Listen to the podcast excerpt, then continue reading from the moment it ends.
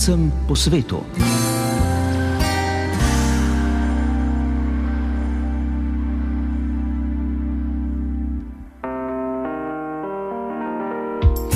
Lepo pozdravljeni, z vami sem Živa Trček. Ker je bil v sredo Mednarodni dan žensk, tokratno oddajo namenjam tej temi. Gostje v oddaji bodo ženske, ki razmišljajo o svojem položaju in o tem, kako uspeti v svetu, ki ga po večini še vedno obvladujejo moški, vsaj ko je govor o zauzemanju najvišjih položajev v družbi, politiki in poslovnem svetu. Kaj naj torej ženska stori, ko ji je v tem svetu hudo, ko čuti, da ji je storjena krivica? Teh situacijah si jaz ponovadi ponovim besede Mišela Obama, ona je ena izmed mojih vzornic, ki je enkrat rekla: When they go low, we go high. Mhm. Pomeni v prevodu, ne, da na nizkotna ravnanja odgovoriš z obnašanjem, ki je pa res na nivoju poudarja dr. Helena Vrabec, pravnica in strokovnjakinja za področje varstva osebnih podatkov in prava informacijskih tehnologij. O položaju žensk v znanosti sem se pogovarjala z dr. filozofije Leo Kuhar, o vlogi, ki jo imajo učitelji pri vzgoji otrok v duhu enakopravnosti, pa z učiteljico slovenščine v Berlinu Magdaleno Novak. Vabljeni v našo družbo.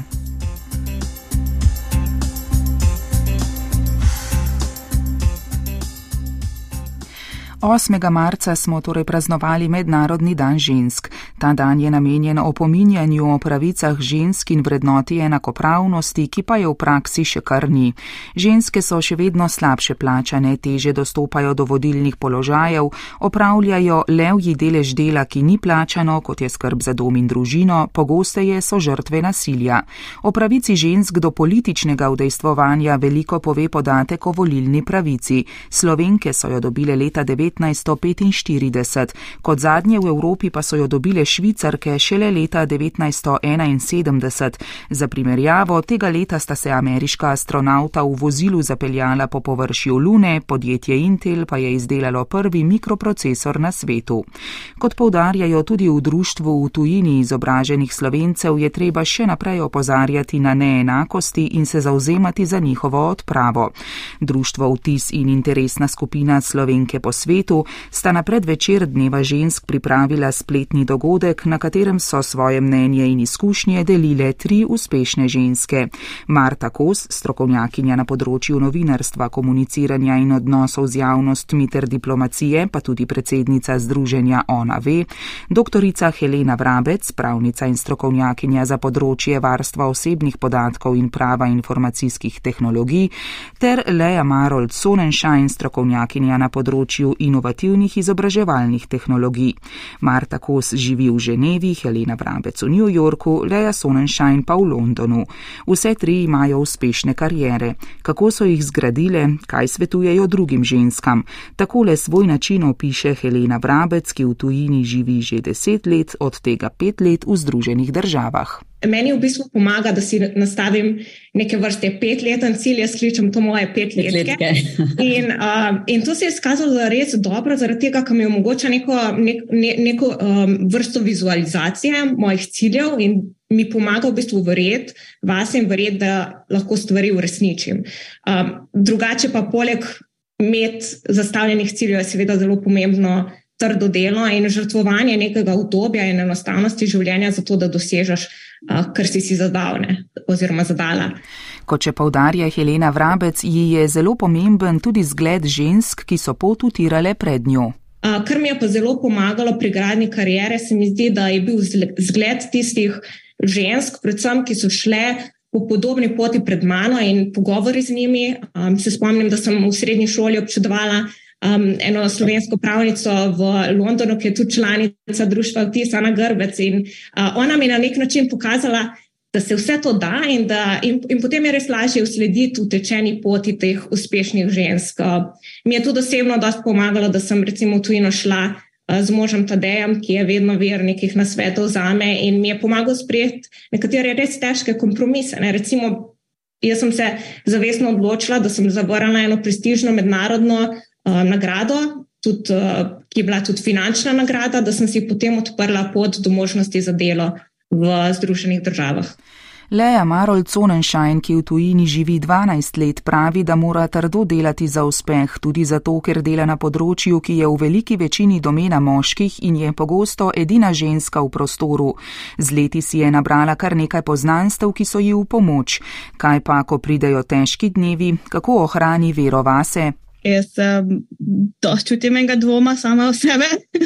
um, mogoče to bo odšlo z leti, ampak. Um, Ja, mislim, da pri vsaki, pri večini odločitev imam ponavadi vedno nek dvom sama vase, ampak sem se naučila, da če ta dvom znam prideti uh, in si imam pač, recimo, si zapisujem dosežke in tako naprej, in pa recimo, kaj so drugi od meni rekli, o meni rekli, kakšne pač lepe stvari, oziroma kaj sem se dosegla, si nekam zapisujem, da se ob teh trenutkih, ko, so, ko se pač dvomi pojavijo, pogledam nazaj in si, aha, ok, sej, mi je že kar dosti uspelo, lahko grem naprej.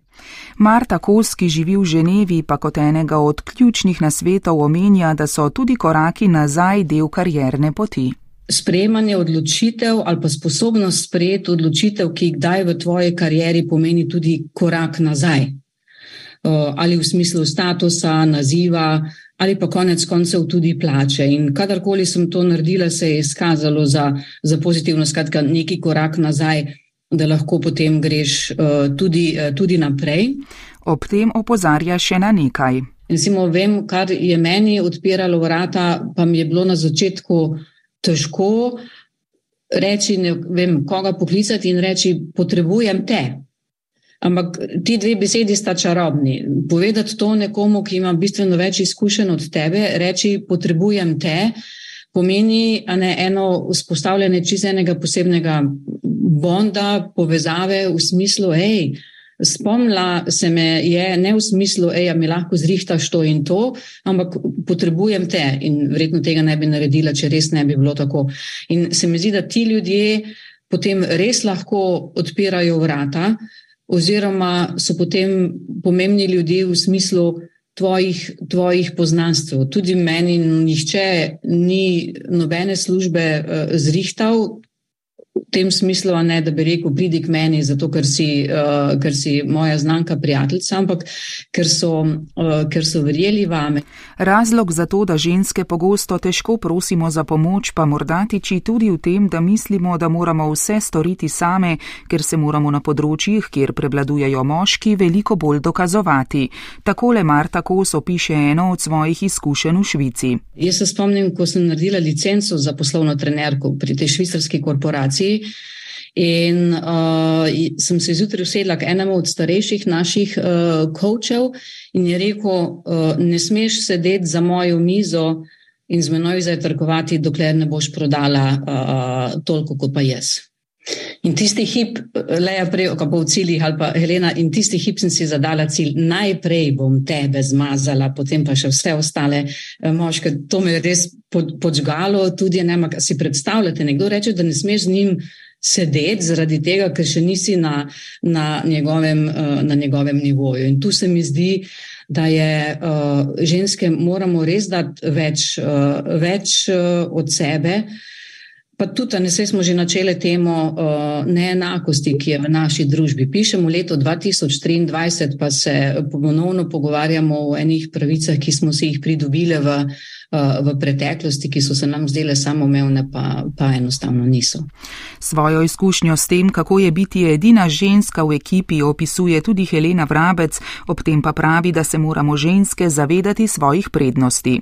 In ko sem se leta 2018 priključila, našemu podjetju Volunteer Technologies, sem bila v bistvu edina ženska v veliko ekipah, s katerimi sem sodelovala. Takrat v New Yorkski pisarni smo bili sami jaz in um, še ena američanka. Um, Ampak mi dve smo en tak pakt naredili in smo se poskusili izkazati v stvarih, kjer so moški mogoče malo slabši. Ne? Recimo en tak šesti čut za potrebe sodelavcev, pa recimo branje med vrsticami v pogajanjih. To so ene take uh, ženske stvari, se mi zdi, kjer se mi lahko še posebej izkažemo. In zares, potem so nas vsi ti moški kolegi zelo cenili um, in smo si nekako tako pridobili status. Um, in zdaj, kar opažam, leta 2023 je sprememba. Definitivno se je povečalo število žensk uh, v Ameriki, so zdaj zelo uh, popularne te uh, DNI uh, inicijative, to je um, raznolikost in vključenost, kjer je v bistvu nekaka, nekakšno priznanje oziroma uspeh za organizacijo, da je ženska na vodilnem položaju ali pa da je večji procent žensk v organizaciji. In to se mi zdi, da zelo pomaga pri izboljšanju položaja žensk. Ob tem dodaja, da imamo ženske tudi dolžnost ukrepati, če je treba, in biti ponosne na svoje dosežke. Poleg kvot pa se mi zdi, da je mogoče neka sprememba v izobraževanju in um, v razmišljanju žensk tudi zelo pomembna. Meni se mi zdi, da ženske smo po naravi mogoče malo bolj sramežljive, se bojimo objavljati o svojih dosežkih, razmišljanjih. In pa si je doskrat enostavno najlaj, najlažje, kar skrito en kot in si misliti svoje, ne? ampak to seveda ni pravi način. Se mi zdi, da kot strokovnjakinje, kot intelektualke imamo odgovornost, da se aktivno vključujemo v debate, da delimo svoje znanje, izkušnje in to je pomembno tudi v poslovnem svetu in zaprtih organizacijah, seveda. Um, ena zanimiva stvar, ki sem se jo naučila od nekoga v ZDA, je, da če si v službenem klicu in cel klic nič ne rečeš, ne, pol boljš, da sploh nisi v tem klicu in da ne zapravljaš časa. Zdaj, to je mogoče malo ameriško pretiravanje, ampak bistvo te zgodbe je, da z nekim aktivnim sodelovanjem, z nekim inputom ustvarjamo prepoznavnost, dobro ime ne, in pa tudi širimo mrežo poznanstv in, in omogočamo ostale ženske. Pomembno vprašanje je torej, kako si lahko ženska v svoji karieri zgradi prepoznavnost, ki ji tudi prinese ugled. Leja Marold Sonenschein kot recept za to navaja možnosti, ki jih prinaša splet. Ja, sem sicer dobila neke nagrade, um, sicer ne akademske, recimo neke pač scholarships pa take zadeve, ampak tudi to, da objavljaš svoje delo online nekje, um, da lahko ljudje vidijo, da dobro delaš in da imaš nekaj zanimivega zapovedati, da to je lahko pač vlastni blog ali pa jaz sem. Um, jaz sem objavila pod uh, eno stranjo, ki um, pač pomaga ljudem razvijati mobilne aplikacije. Um, tam sem imela objavljenih veliko člankov, tudi nekaj video zadeve. Um, in Tako so me pa našli, ti, ki so iskali za kvoto za konference. Helena Vrabec doda, da se na splet vse bolj selijo tudi akademske debate. Če si prepoznavna, potem se tudi tvoje delo lahko razširi in uh, potrdi. Ne, in še posebej v akademskem okolju, ker sem jaz uh, dosta aktivna kot uh, raziskovalka in predavateljica, uh, lahko rečem, da enostavno, če da se je akademska diskusija v veliki meri v bistvu preselila na Twitter in um, no, zdaj tudi druga ta socialna omrežja in je ključno, da saj slediš te debate, ampak še raje se aktivno vključuješ, ne, ali pa recimo pametna uporaba LinkedIna je tudi uh, lahko zelo efektivna. Kaj pa stori, kadar je težko? Poslovni svet podobno, ne? ni enostaven, vsi si želijo uspeha, boljše pozicije in so včasih pripravljeni narediti marsikaj na poti do tega cilja. In vsa ta leta moje načelo je nekako bilo, da je potrebno, potrebno hraniti profesionalnost in dostojanstvo tudi v teh napetih trenutkih.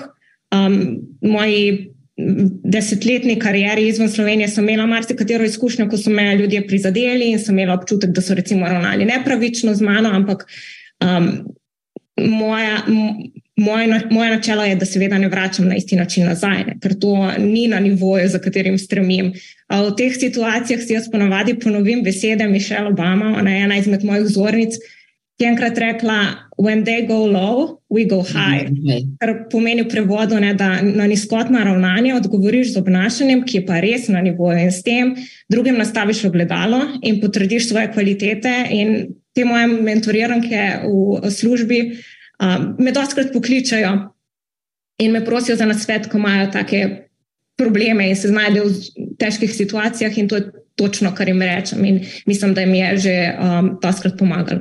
Pravi Helena Vrabec, Marta Kos pa ob tem povdari pomen znanja in doda še opozorilo. Mogoče moramo pa bolj stvari vzeti uh, v lasne roke in ne računati na to, da se bo, eh, da se bo zgodilo. In ali se tudi danes razpravljamo na enakost, eh, enakost spolov. Enakost spolov pomeni enake priložnosti, enake pravice, enake možnosti, enako obravnavo, enako dostojanstvo, ampak tudi enako odgovornost, ne glede na spol. Ampak, ko jaz rečem, ne glede na spol, tega že ne slišijo več. Boriti se danes za enakost spolov ne pomeni, da se mi borimo za ženske, borimo se za, za, uh, za boljšo družbo. Ne na zadnje, vsi skupaj živimo v istem svetu in si torej delimo tudi skupno prihodnost.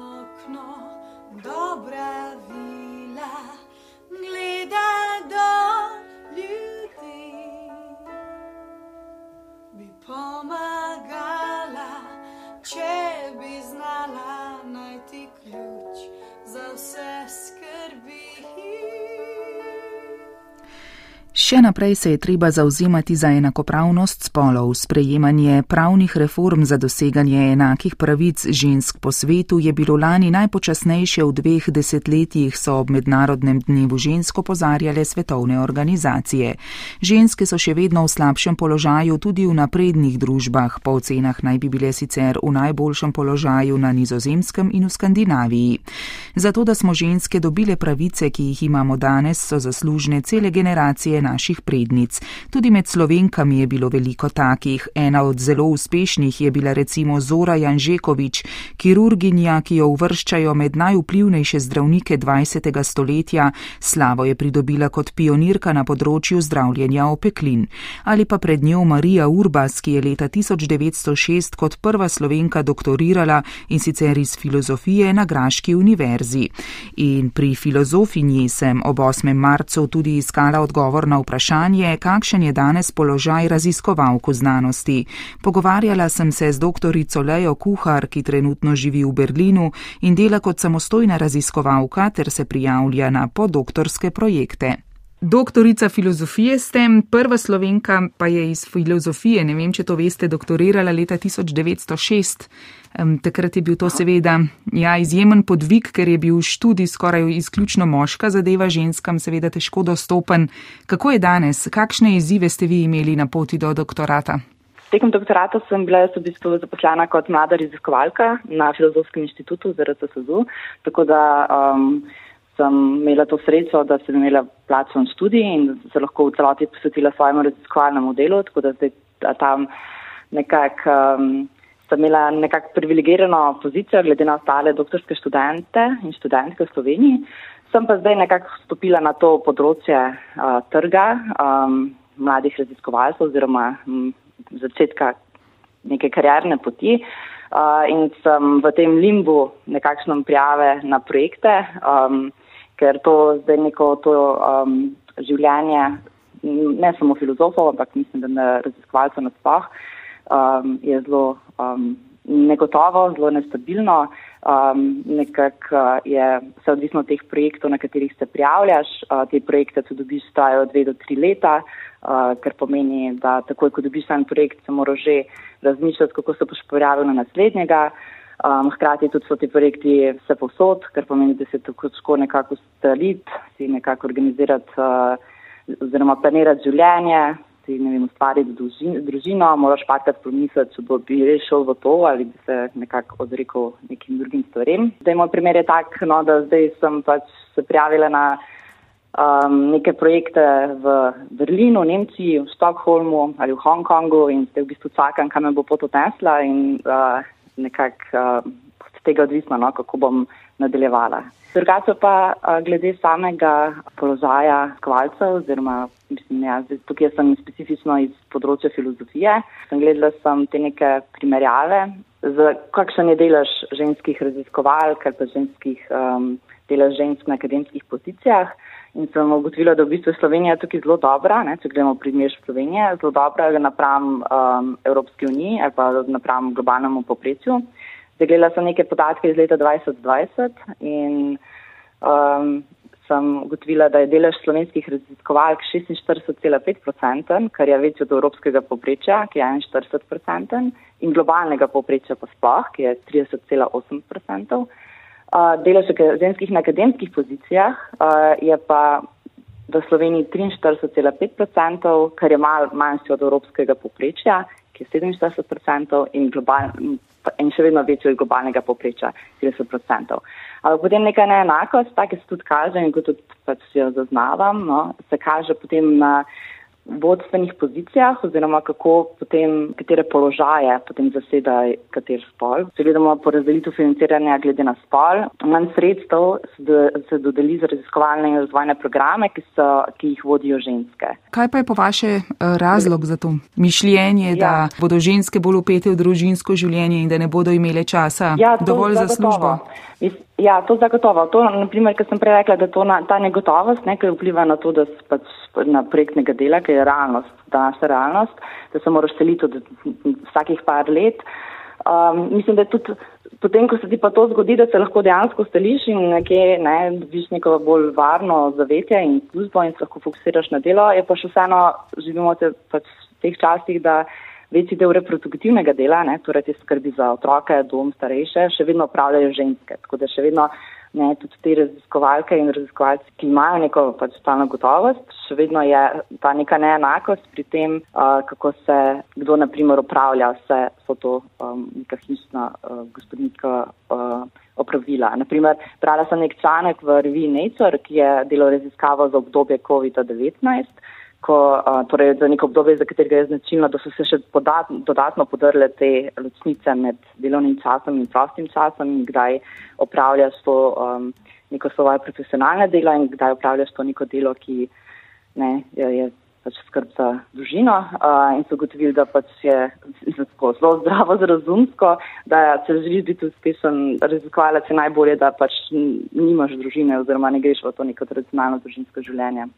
Tukaj se mi pa zdi, naprimer, glede tega vprašanja, se mi zdi, da pogosto se po, pojavljajo neke ideje. Um, da bi to um, neko reproduktivno delo se vrednotilo kot delo, te neke zahteve, ki v bistvu izhajajo iz um, 70-ih let, ko so uh, feministke pod um, um, v gibanju um, Wages for Housework so zahtevale v bistvu, da bi se to reproduktivno delo, ki ga upravljamo v svojem prostem času, torej pač ta vzgoja otrok, pranje perila, hišno gospodinska upravila, da bi se enako vrednotile kot uh, delo in, bi se, in so zahtevale tudi pravično plačilo za to delo.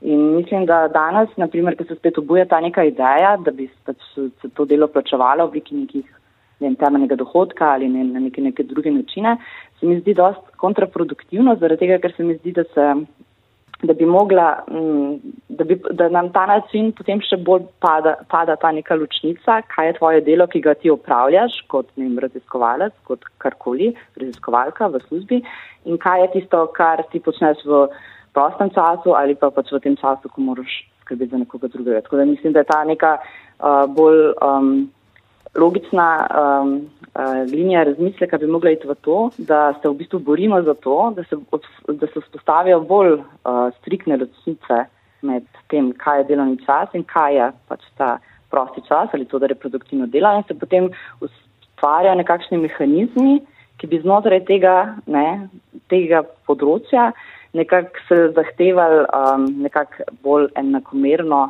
spolno, um, pravično delitev dela. Jaz mislim, da to, da naprimer ženske nimajo istih pravic kot moških, to ni ženska težava. To je človeška težava. To je pač težava, ki bi mogla naslavljati cela družba oziroma cela skupnost, v kateri ta težava nastane. Tako da mislim, da do neke um, mere je zelo, um, je seveda relevantno oziroma je pomembno, da um, neka skupina posameznic ali posameznikov v družbi, ne, ni nujno, da so to ženske, lahko so tudi neki, uh, lahko je LGBT, sku, LGBT skupnost, lahko je, um, ne, so neke verske, etične manjšine. Mislim, da je zelo pomembno, da pač tisti posameznik, ki nima pripoznanih nekih družbenih pravic, pokaže družbi, da je tukaj nek manjko, ki ga družba tukaj zdaj ne mora. Uh, ne, ki mu, ki mu ne, ne dopušča, da je, da, da pač ima svoje pravice. Ampak v trenutku, ko se to zgodi, pa mislim, da bi moglo biti ne, na nas vseh, da poskušamo to težavo odpraviti. Tako da mislim, da je zelo, um, zelo nevarno to, da se reče, bodo zdaj ženske tam pač nekaj govorile o ženskah, ampak zdi se mi, da se treba univerzalizirati to težavo, torej nasloviti nek problem, ki dejansko obstaja, ampak potem to reš, za to rešitev pa vključiti nekak širšo populacijo. Pa to mogoče še ena stvar, ne, ki ste rekli, da kaj je um, ta, ta neka država. Mislim, ta je prva je pač ta neka samoumitev, da se pač ne, pogosto zgodi to, da se zapirajo v neke teme, ki so nekako bolj ženske. Pogojene, ja. ja. No, potem druga težava pa mislim, da je tudi, da če želiš nekako biti uspešen v tem svetu, nekako moraš zvojiti vzorce obnašanja. Zelo neko specifično obnašanje je, ki te moraš, ne vem, zavzeti na način govora na intervjujih ali pa kako se obnašaš, kako nastopaš na konferencah, zato da lahko uspeš in priješ potem na neke vodstvene pozicije. In se mi zdi, da veliko se lahko zgodi, da pač tudi ta nek šovinizem, ne, ki se ga naslavlja, tudi možen iz neke ženske pozicije, ker pač avtomatsko um, zato da lahko dosežeš nek položaj, moraš ponotraniti neke vzorce. In zdaj lahko so ženske v, pač, ne, v, v nekih odborih ali pač nekih komisijah ali na vodstvenih institucijah, ampak lahko se vse obnašajo kot moški. Ne. Kako pa recimo vi kot eh, ženska v tem moškem svetu uh, prenašate recimo kritike, kako ustrajate pri svojih načeljih in svojem ženskem obnašanju, ko ste v manjšini, ko ste recimo v prostoru s samimi moškimi ali pa na konferenci s ja. samimi moškimi. Kako to, kako mislim, se s tem soočite? Soočam se tako, kot sem vam zdaj rekla, da mislim, da se ne bi smelo delati in sicer, da popolnoma ponotranjim ta uh, način obnašanja in se obnašam kot bi rekel one of the guys oziroma da grem z. Um, Mislim, težko je, no, ne vem, zdaj jaz tudi, pač moje drugač, moja pozicija je zdaj trenutno zelo um, kot sem rekla, sem negotova, sem na začetku svoje karene poti, zdaj se prijavljam na te raziskovalne projekte, tako da zdaj, imam, zdaj sem še v tem obdobju, kjer se ne moram ravno dopuščati, da, um, da imam zelo visoke standarde oziroma da delam stvari zares po svoje. Zdaj ne vem, mhm. ali kdaj pride ta, to obdobje v življenju, ko pa si res lahko dopustiš, da zdaj boš pa ti spreminjal stvari in pač delal to, kar, kar verjameš. No? Ampak zdaj jaz na tej točki še vedno pač poskušam se uveljaviti um, v, svoj, ne, v svojem področju. Tako da, um, ne vem, moja preživetvena strategija je bila ta, da se pač naučim, kako se treba obnašati.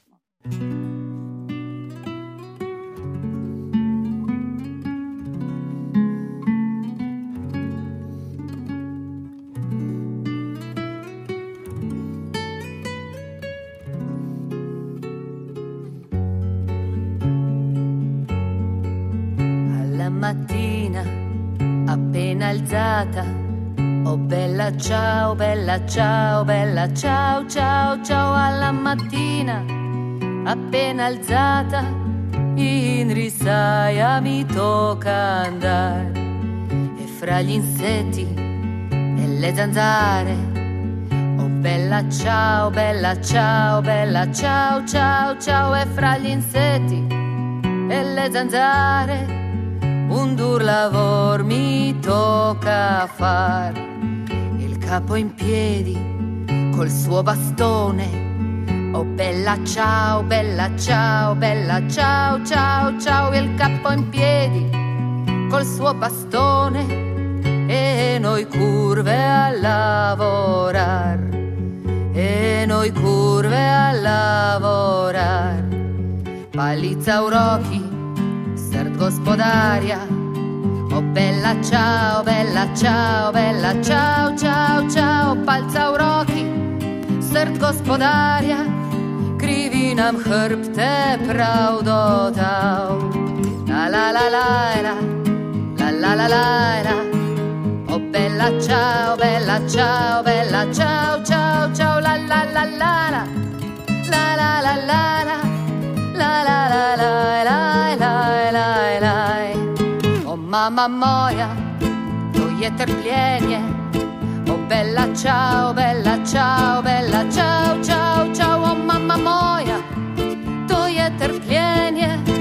Prosim, pridi in reši me. In vsaka ura tega trpljenja. O bella ciao, bella ciao, bella ciao, ciao, ciao, in vsaka ura tega trpljenja požira našo na mladost. A pride ura, ko bomo skupaj. O bella ciao, bella ciao, bella ciao, ciao, ciao, a pride ura, ko bomo skupaj, svobodi zlati delale. A pride ura, ko bomo skupaj, svobodi zlati delale. A pride ura, svobodi zlati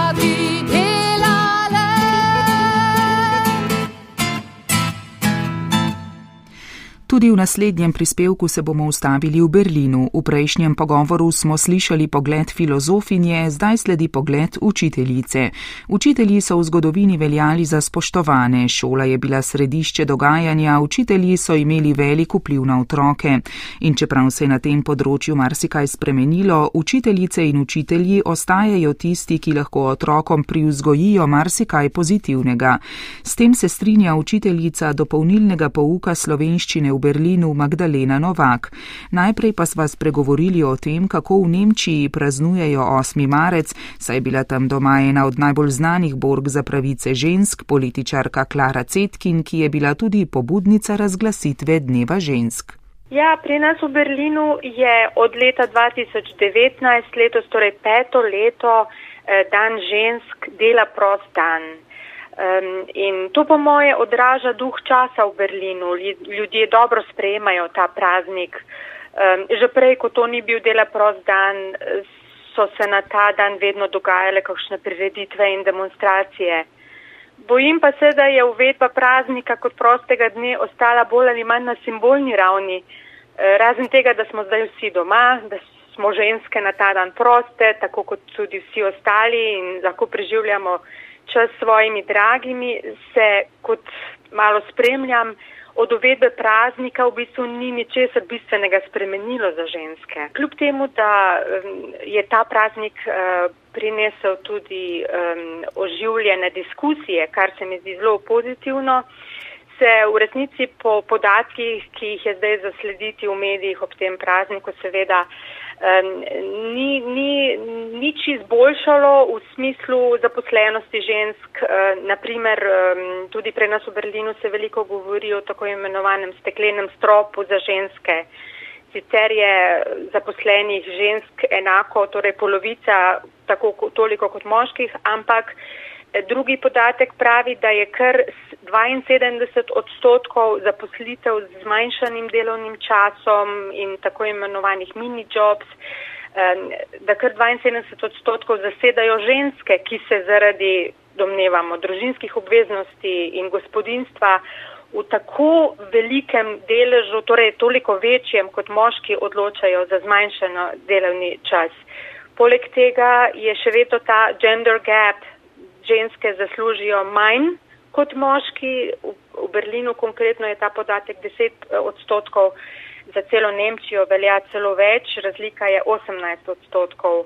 In tudi v, v, v času pandemije, ki je bila med tem od uh, uvedbe tega praznika, se je zelo boleče pokazalo, da ženske v bistvu nosijo velik delež um, skrbi za celo družino, za gospodinstvo, za otroke. Um, tako da se je zelo, zelo veliko tudi v medijih poročalo o izgorelosti zlasti žensk. In v zadnjem času sem zasledila podatek, da je zelo velik delež tistih, ki se uh, odločajo za zmanjšano zaposlitev, zasedajo ženske, da ne rečem skoraj pač pretežno samo ženske iz jasnih razlogov, skrb za družino in za otroke. In prevladuje mnenje, da to tako rekoč pomeni smrt za kariero v znanosti. Prav tako v umetnosti. V zadnjih dneh je bilo v medijih mogoče zaslediti zgodbo o režiserki in scenaristki, ki, pač tako anonimno pričevanje, ki je z materinstvom doživela šok ob spoznanju, da se je njena karijera tako rekoč ustavila zaradi uh, uh, usklajevanja urnika med novo družinsko situacijo in um, njenimi um, obveznostmi za njeno umetniško delo in je postala nezanimiva za sodelovanje v različnih projektih, kar se mi zdi zelo relevantno in odraža verjetno tisoče zgodb v Berlinu, uh, kjer je uh, delež umetnic in kulturnih delov zelo velik. Um, Po drugi strani pa je Berlin, uh, se mi zdi, tako svobodo miseln in te debate uh, so ob tem prazniku, kot rečeno, postale še glasnejše in upajmo, da se bo situacija obrnila tudi na bolje v smislu konkretnih številk, recimo tudi povečanja um, varnih hiš, mest v varnih hišah za ženske, ukrepov za zmanjševanje nasilja nad ženskami. Hkrati bi pa omenila še to, da se mi zdi zelo dobro, um, da je Berlin, bom rekla, mogoče en tak zgled. Um, ravno letos je še naslednja zvezdna dežela in sicer Mecklenburg-Vorpommern na severu Nemčije uvedla uh, dan žensk kot dela prost dan. Tako da um, mislim, da je to ena taka lepa um, neka luč Po drugi strani bi tudi omenila, um, jasno, verjetno sem znano pač uh, feministično, tako imenovano feministično zunanjo politiko Nemčije, ne, ki je mogoče na prvi pogled uh, doživlja kritike, ampak meni se zdi to absolutno revolucionarna, uh, rekla poteza, ker govorimo o enakopravnosti spolov in praktično tudi enakopravnosti vseh ljudi ne glede na spol ali na kakršno koli drugo pripadnost ali značilnost.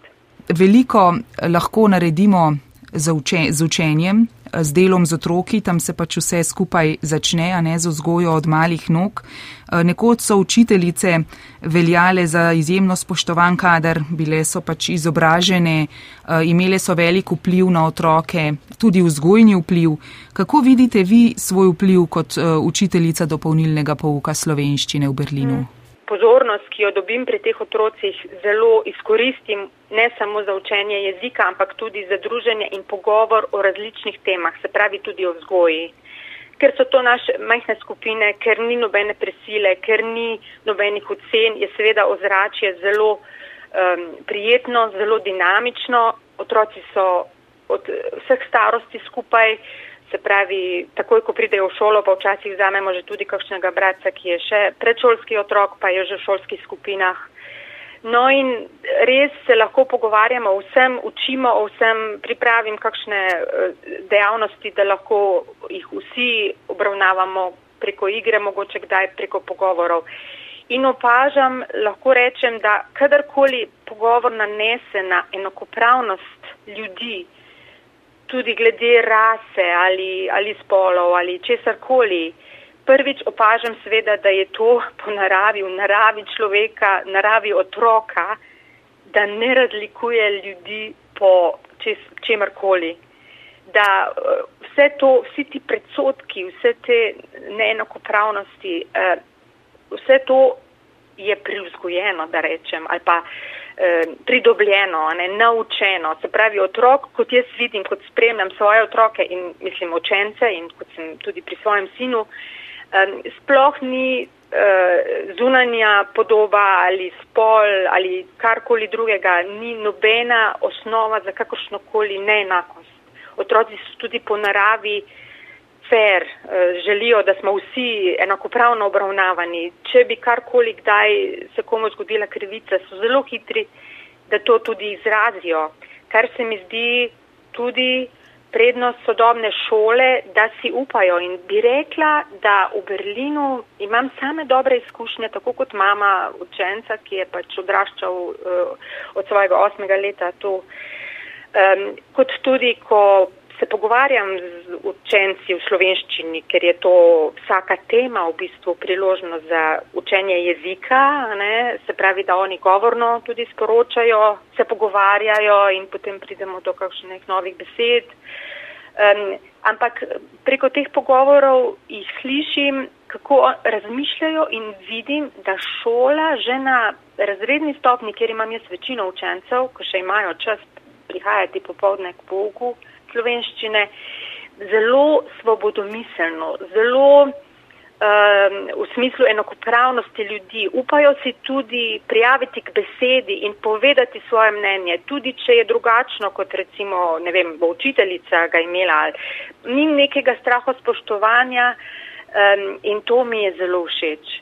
Tako da eh, vidim, no, da Nemci ali pa da rečem šole v Berlinu ne čakajo dolgo s takimi resnimi temami, ampak jih tudi dejansko v pouk vključujejo eh, in zelo, zelo resno jemljajo eh, to enakopravnost med ljudmi, kar se mi zdi čudovito.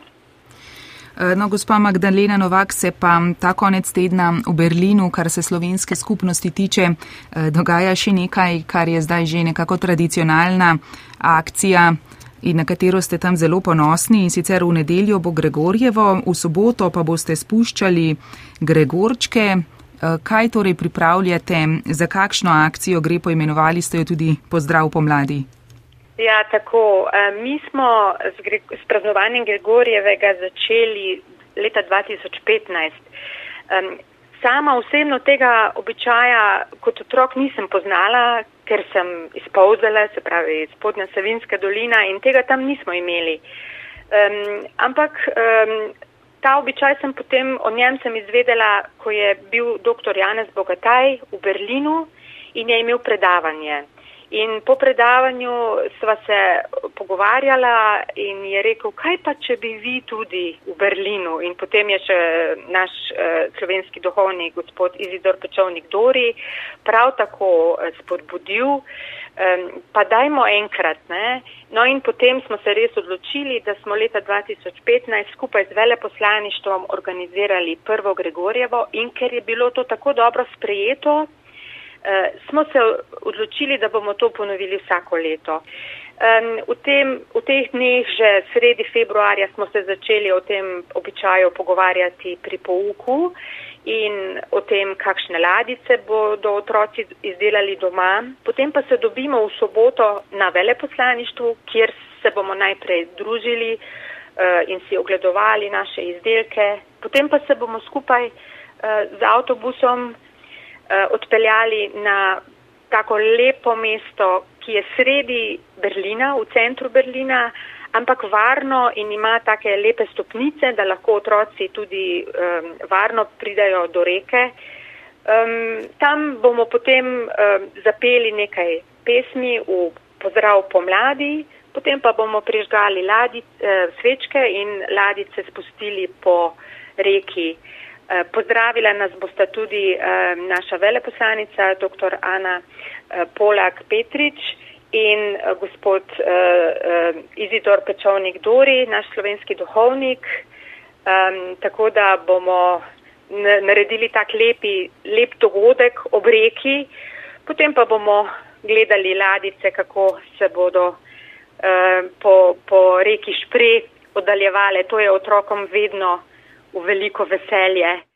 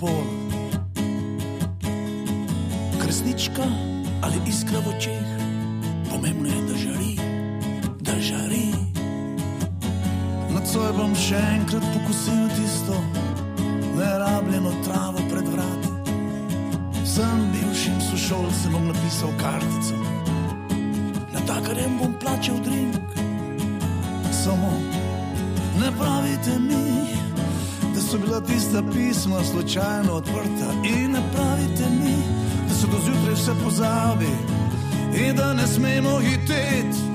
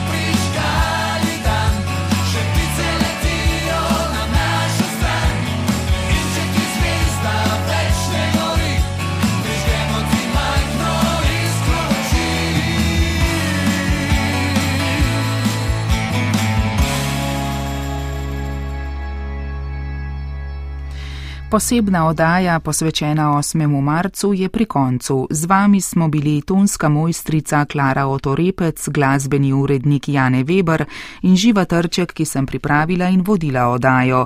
Najdete jo na spletni strani prvega in med podcasti, pa srečno do prihodnič.